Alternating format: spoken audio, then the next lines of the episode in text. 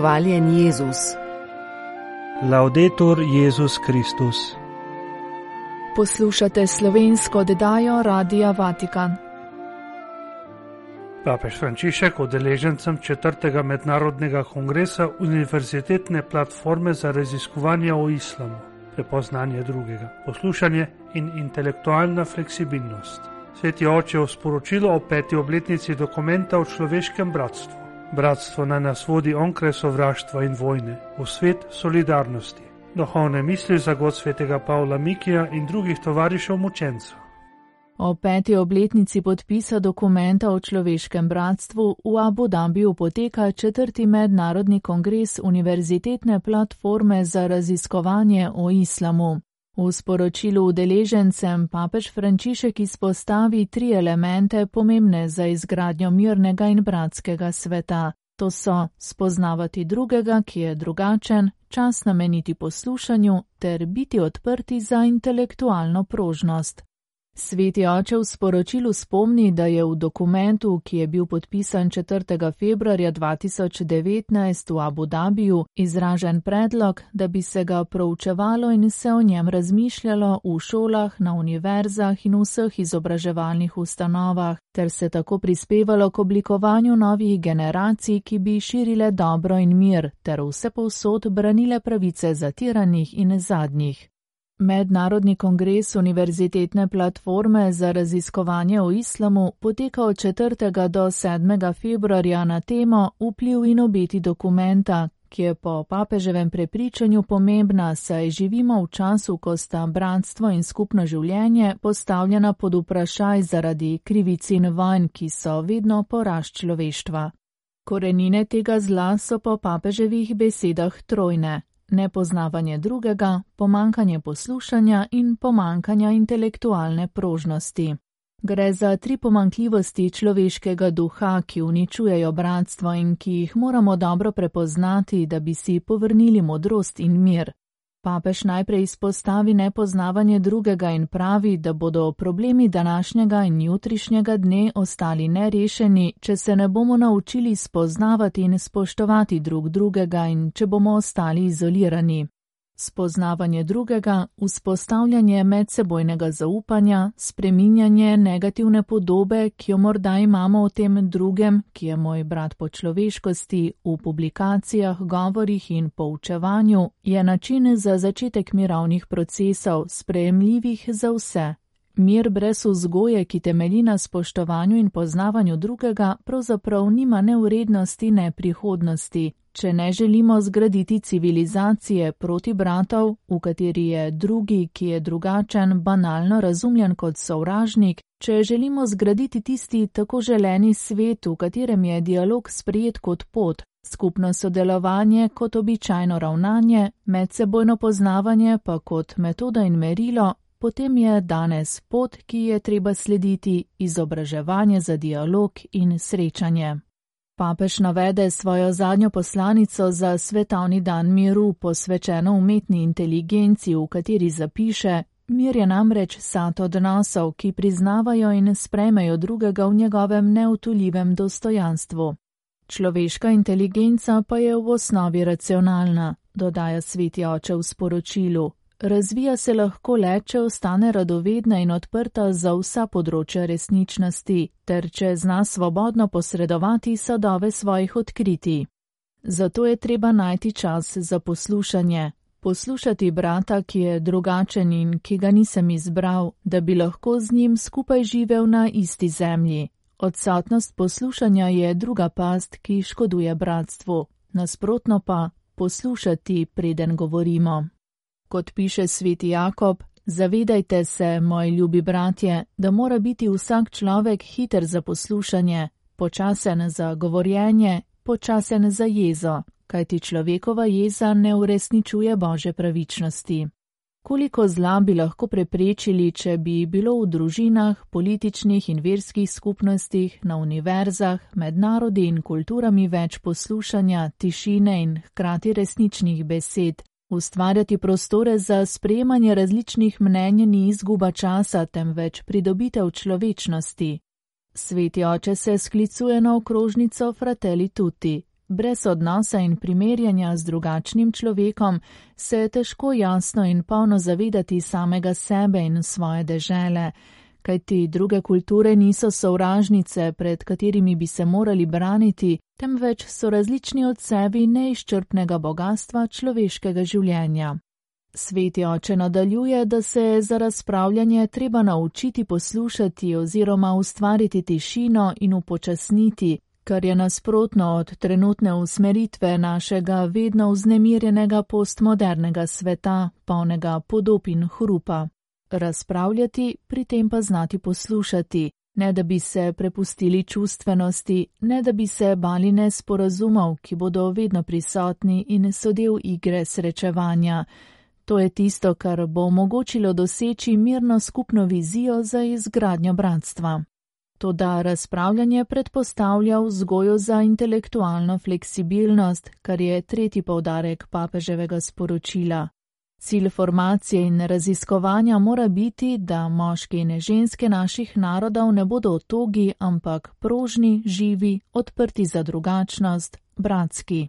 Modrost namreč išče drugega, presega skušnjavo odrevenelosti in zaprtosti, je odprta in v gibanju, je hkrati ponižna in raziskovalna, zna vrednotiti preteklost in jo postaviti v dialog s sedanjostjo, ne da bi se odrekla ustrezni hermeneutiki. Dragi bratje in sestre, poskrbimo, da se naše sanje o bratstvu v miru ne bodo ustavile pri besedah. Beseda dialog je res neizmerno bogata in je ni mogoče omejiti na razprave za mizo. Zbliževati se, izražati se, poslušati se gledati se, spoznavati se in skušati se razumeti, iskati stične točke. Vse to izraža glagol dialogizirati. Ne bojte se izstopiti iz svojih disciplin, ostanite radovedni, gojite fleksibilnost, prisluhnite svetu in ne bojte se tega sveta. Prisluhnite bratu, ki ga niste izbrali, a ga je Bog postavil ob vas, da bi vas naučil ljubiti. Kdor namreč ne ljubi svojega brata, ki ga je videl, ne more ljubiti Boga, katerega ni videl.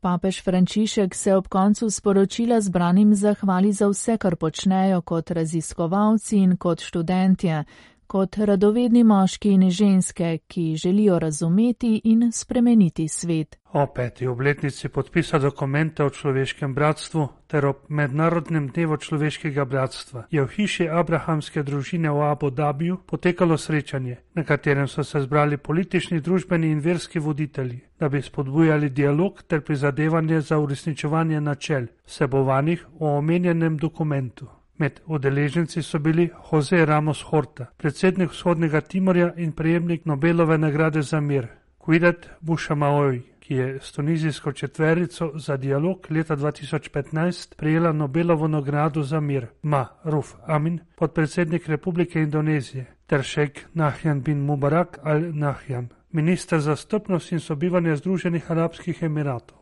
Papeževo sporočilo naslovljeno na sodnika Mohameda Abdel Salama, generalnega tajnika Zajedove nagrade za človeško bratstvo in muslimanskega sveta starešin, je prebral kardinal Miguel Angel Ayuso Gijot, prefekt dikasterija za medverski dialog.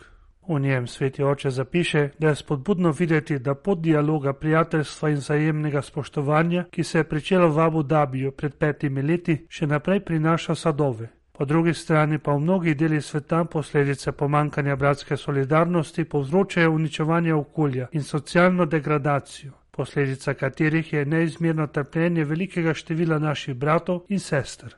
Zato je po papeževih besedah nujno opozoriti na načela, ki lahko človeštvo vodijo iz temnih senc nepravičnosti, sovraštva in vojn k svetlobi svetovne skupnosti, za katero sta značilni večna družbena solidarnost in bratska ljubezen. V nadaljevanju sporočila sveti oče ponovno izrazi svojo hvaležnost Ahmadu al-Tajebu, velikemu imamu al-Azarja in šejku Mohamedu bin Zajedu al-Nahjanu, predsedniku Združenih arabskih emiratov, za njuno pomembno podporo pobudam, katerih namen je spodbujanje vrednot bratstva in socialnega prijateljstva te ne temelijo samo na resnici, da so vsi ljudje ustvarjeni enaki, ampak da so prav tako neločljivo povezani kot bratje in sestre, otroci našega edinega očeta v nebesih. Na to papež Frančišek čestita trem dobitnikom Zajedove nagrade, ki jo letos podeljujejo že petič indonezijskima organizacijama, egiptovskemu srčnemu kirurgu in sestri Neli Leon iz Čila. Ob tem poudari, da je veliko število prijavljenih kandidatov dodaten dokaz, da so vrednote, ki se obhajajo in spodbujajo na ta dan, razširjene v vsej naši človeški družini. Te vrednote, ki odlikujejo tudi letošnje nagrajence, so strpna ljubezen do drugačnih, pristna skrb za revne in bolne, zlasti otroke, ter želja pomagati pri rehabilitaciji zapornikov in njihovi ponovni vključitvi v družbo. Po besedah svetega očeta vsi nagrajenci na svoj način pomembno osvetljujejo pot k večji družbeni solidarnosti in bratski ljubezni. Vendar pa za napredek na tej poti ni dovolj samo človeško prizadevanje. Papež povdari, da tudi Zajedova nagrada spominja na to. Brez odprtosti do očeta vseh ni trdnih in trajnih razlogov za poziv k bratstvu. Saj zdrava pamet lahko dojame enakost med ljudmi, in vzpostavi med njimi neko državljansko sožitje, ne more pa utemeljiti bratstva. Sveti oče zato moli, da bi vse sodelujoče na srečanju spodbujal ne le zgled dobrih del nagrajencev, ampak tudi spoznanja in verska prepričanja, ki so v njih spodbudila izredno velikodušno srca. Ob koncu sporočila izrazi željo, da bi mogli vsi trpeči bratje in sestre spoznati bližino in skrb vernih ljudi po vsem svetu. V Abu Dhabiju je v ponedeljek 5. februarja potekala podelitev Zajedove nagrade za človeško bratstvo 2024. Na prireditvi so predvajali tudi video sporočilo papeža Frančiška. V njem je povdaril, da pot bratstva predstavlja rešilno bilko za naše človeštvo. V teh letih smo hodili kot bratje in se zavedali, da moramo ob spoštovanju naših različnih kultur in tradicij graditi bratstvo kot pregrado sovraštvu, nasilju in nepravičnosti. Pot bratstva je skupna pot, dolga in težka pot, vendar predstavlja rešilno bilko za naše človeštvo, ki se mora spoprijeti z mnogimi grozečimi znamenji in mračnimi časi, v katerih živimo. Papež se zahvaljuje vsem, ki si prizadevajo in so prepričani, da je mogoče živeti v harmoniji in miru, zavedajoč se potrebe po bolj bratskem svetu, saj smo vsi božje ustvarjena bitja, torej bratje in sestre. Sveti oče v nadaljevanju video sporočilo povdari, da so prejemniki zajedove nagrade za človeško bratstvo znani po svojem solidarnem zauzemanju za napredek človeštva ter spodbujanju mirnega sobivanja. Zahvaljujem se jim in verjamem, da bo njihov zgled spodbuda drugim, da se bodo lotili pobud, ki izhajajo iz rodovitnega sodelovanja med pripadniki različnih verstev v službi celostnemu človeštvu ter ob spoštovanju dostojanstva vsakega posameznika, spodbujajoč vrednote, ki jih predlaga dokument o človeškem bratstvu. Papež sporočilo sklene z besedami, da smo vsi poklicani k prizadevanju za kulturo miru, ki spodbuja dialog, sočutje, solidarnost, trajnostni razvoj in vključevanje. Duhovne misli za god svetega Pavla Mikija in drugih tovarišev mučencev.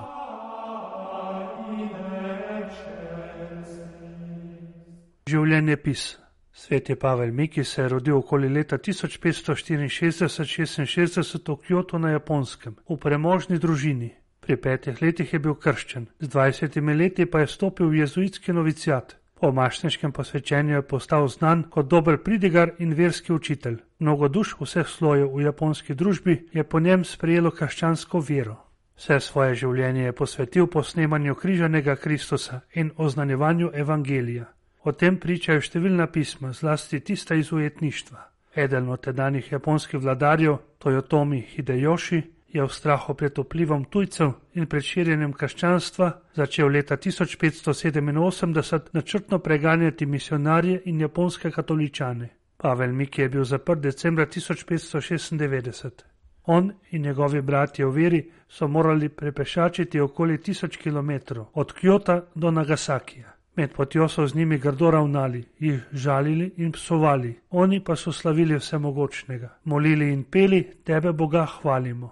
Ko so 5. februarja 1597 prispeli v Nagasaki, japonsko mesto z največjim številom katoličanov, je bil Miki križan.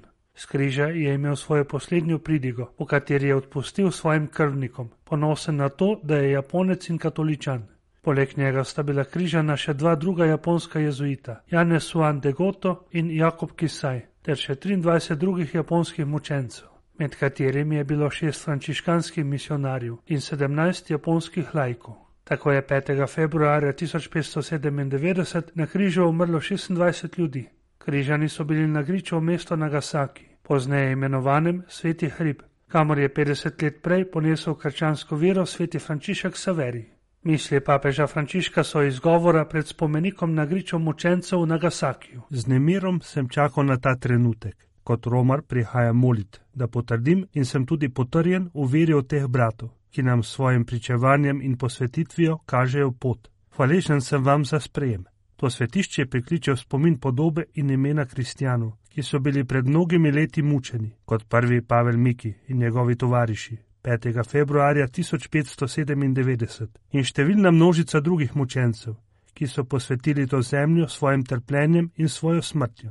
Brez dvoma nam to svetišče bolj kot o smrti govori o zmagoslavju življenja. Sveti Janez Pavel II. je videl ta kraj ne samo kot grič mučencev, ampak kot resnično goro blagoru, kjer lahko zaznamo pričevanje mož polni svetega duha, prostih sebičnosti, lagodnosti in ošabnosti.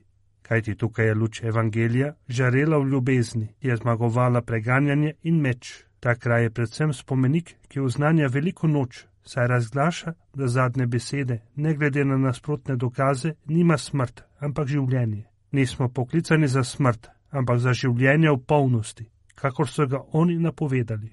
Da, tukaj je temačno smrti in mučeništva, a se tudi oznanja svetlobo vstajenja in tako kri mučencev postane seme novega življenja, ki ga Kristus želi podariti vsem nam. Njihovo pričevanje nas potrjuje v veri in nam pomaga obnoviti našo posvetitev in naše prizadevanje, da bi živeli kot učenci misionarji, ki znajo živeti za kulturo, ki je sposobna vedno zaščititi in braniti vsako življenje skozi vsakodnevno mučeniško in tiho služenje vsem, še posebej najbolj pomoči potrebnim.